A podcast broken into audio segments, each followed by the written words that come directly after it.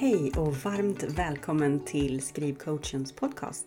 Jag heter Hanna Landahl och det är jag som är skrivcoachen. Men jag hjälper inte bara andra att nå sina skrivdrömmar. Jag är också författare själv och jag har skrivit hela tio böcker för barn, unga och vuxna. Och det här, det är podden för dig som skriver berättelser.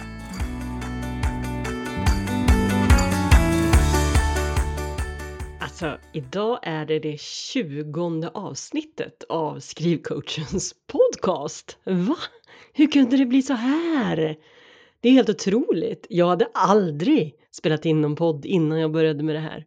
Och nu har jag gjort 20 avsnitt. Alltså, så himla bra jobbat av mig, eller hur? det är verkligen, jag kan inte, nästan inte förstå att jag lyckats med det här. Det är superbra jobbat. Eh, bra Hanna, mycket bra. Hör du vad naturligt det låter? Eller inte? Hörni, det här med att fira sina framgångar. 20 poddavsnitt är ju verkligen en framgång, det kan man ju objektivt se. Men när man sitter här och spelar in så kanske det inte riktigt känns så. Eh, och detsamma gäller ju när man skriver sin bok, eller hur? Det är inte så himla lätt det här med att fira sina framgångar. Men det är viktigt. Det är viktigt därför att Eh, när man håller på med ett stort projekt, ett så stort projekt som att spela in en ändlös serie poddavsnitt eller eh, skriva en hel lång bok så kan man liksom inte bara stirra in sig på det slutgiltiga målet att ha hundra poddavsnitt eller att eh, ha en hel bok utgiven och klar det är ju ett alldeles för långt mål, eh, ett mål som är alldeles för långt borta för att det ska liksom kunna vara motiverande, tänker jag. Så därför är det jätteviktigt att när vi drar, ger oss in på sådana här stora projekt som ett bokprojekt är, eh, att faktiskt då och då stanna upp, titta tillbaka, se vad man faktiskt har åstadkommit, hur man har utvecklats, vad man har gjort Mm, uppmärksamma det som faktiskt har gått bra. Um, klappa sig själv på axeln. Känna sig nöjd med sig själv. För en gångs skull kanske. Jag tänker att det här är oerhört viktigt i skrivprocessen. Och jag är verkligen inte en person som är så bra på det här. Ehm, för en och en, två månader sedan ungefär så hade jag min första bokfest. Första ordentliga firande kan man säga av någon av mina böcker.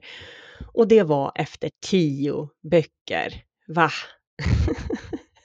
och jag har tusen anledningar till att det blev så här.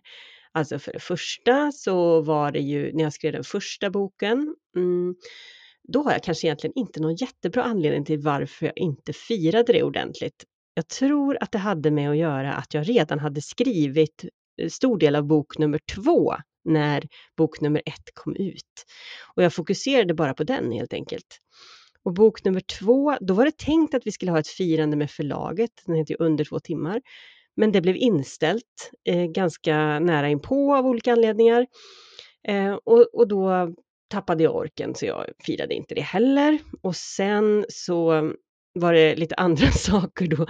Eh, jag vet inte riktigt med tredje boken varför jag inte firade den. Det var en barnbok, Aston-boken, förlåt för hålet. Det hade jag också tänkt att göra, men, men när jag väl var framme vid det så avbokade jag. Jag hade till och med kontaktat ett bibliotek där jag tänkte skulle ha någon liten grej. Eh, men sen när jag var framme vid det så orkade jag inte riktigt, utan nej, jag fortsatte skriva istället. Ja, och så har det fortsatt. Och sen kom covid och då var det ju inte möjligt. Det var jättebra att inte ha, att ha det som orsak. Till att, det kunde man, ju, kunde man inte ha några boksläpp liksom. Nej, det gick ju inte. Och så bara fortsatte det så här. Men sen till slut så hade jag ju skrivit tio böcker och då kände jag, alltså det här är ju inte, det är inte vettigt. Ska man ha skrivit tio böcker utan att ha firat överhuvudtaget? Eh, att man ens har gett ut en bok, det är inte okej. Okay. Så då anordnade jag ju en ordentlig fest. Jag hyrde lokal och bjöd på snittar och, och sånt. Sådär som man tänker sig att en, en bokrelease ska vara. en sån hade jag då och det var väldigt härligt. Kanske ingenting jag kommer att ha efter varje bok för det är också en stor, eh, ett stort projekt att anordna. Men det var väldigt, väldigt eh, härligt att få faktiskt tänka tillbaka på alla böckerna och, och faktiskt fira att, att jag hade gjort något så pass stort. För det är ju, det inser jag ju någonstans. Även om jag inte tycker det när jag sitter här vid tangenterna.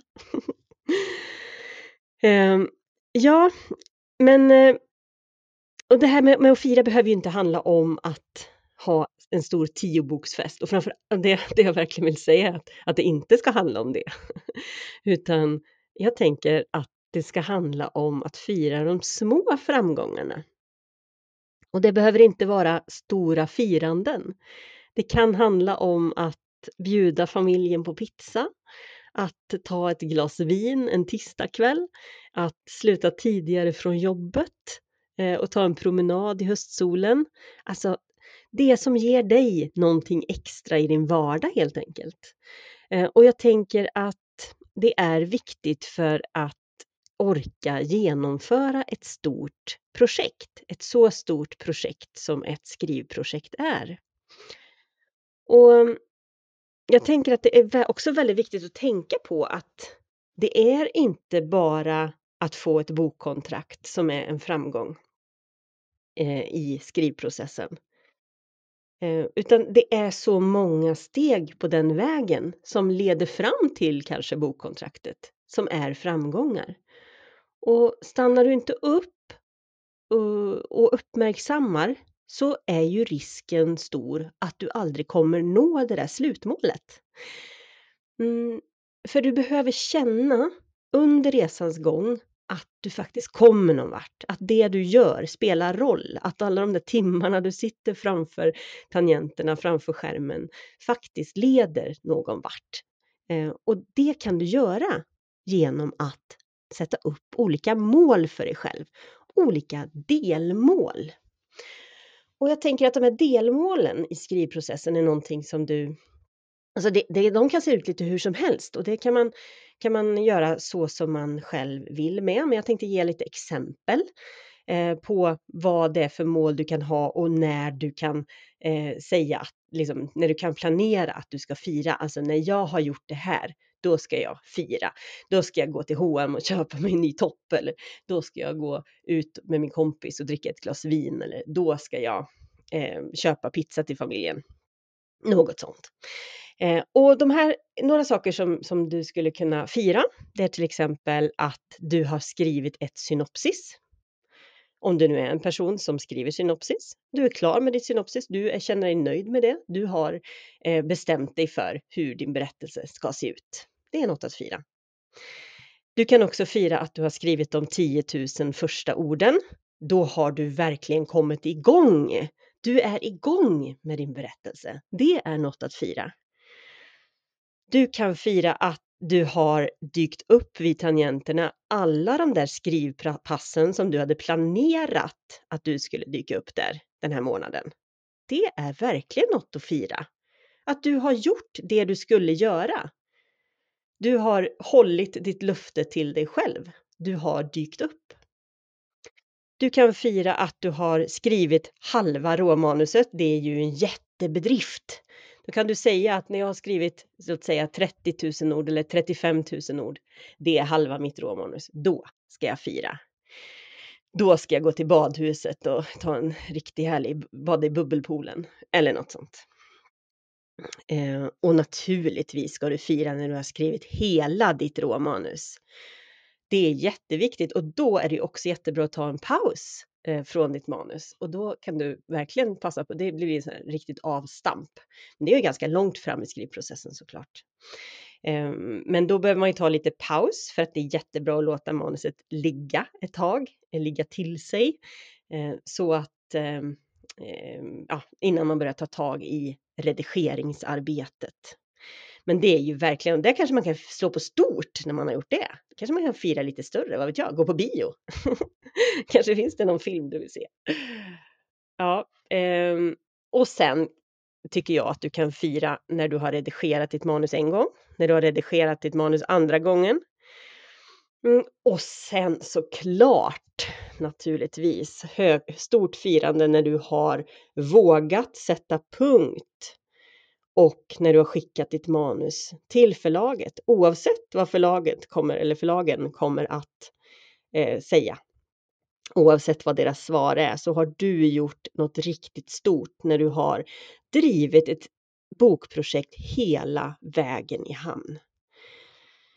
Naturligtvis ska du fira om du får ett ja från ett förlag. Det, är ju, det, är ju, det kommer du göra på ett eller annat vis, det är jag säker på. Eh, men du kan också fira, inte att du får nej kanske, men att du beslutar dig för att göra, köra en vända till. Och när du faktiskt har omarbetat ditt manus och du skickar in igen. Det är också någonting som är värt att fira. Och så vidare och så vidare. Du vet vad som är en bedrift för dig. Ehm, men det jag vill, det jag vill eh, poängtera är att det handlar inte bara om de här, slut, eh, de här slutmålen, utan sätt också upp mål under vägen. Det kommer att underlätta för dig att nå ditt mål, att till slut bli klar med ditt manus. Och är det så att du vill ha ett härligt gäng att dela alla de här fina framgångarna med när du har uppnått dina mål, då är du varmt välkommen till Skrivringen som är min medlemstjänst. Och den första december så kommer jag höja priset i skrivringen. Så om det är så att du under en period har funderat på att gå med, ja men då är det tid att göra det nu. Stort tack för att du har lyssnat på Skrivcoachens podcast. Och om du känner att du skulle vilja ha lite mer hjälp av mig, ja men kika då in på min webbsida skrivringen.se. Eh, där kan du läsa mer om min medlemstjänst Skrivringen och om min webbkurs eh, Hitta din bokidé som du kan gå om du inte riktigt har kommit igång med ditt skrivande än. Eh, du kan också läsa mer om privatcoachingen som jag erbjuder. Ha det så bra nu så hörs vi nästa vecka.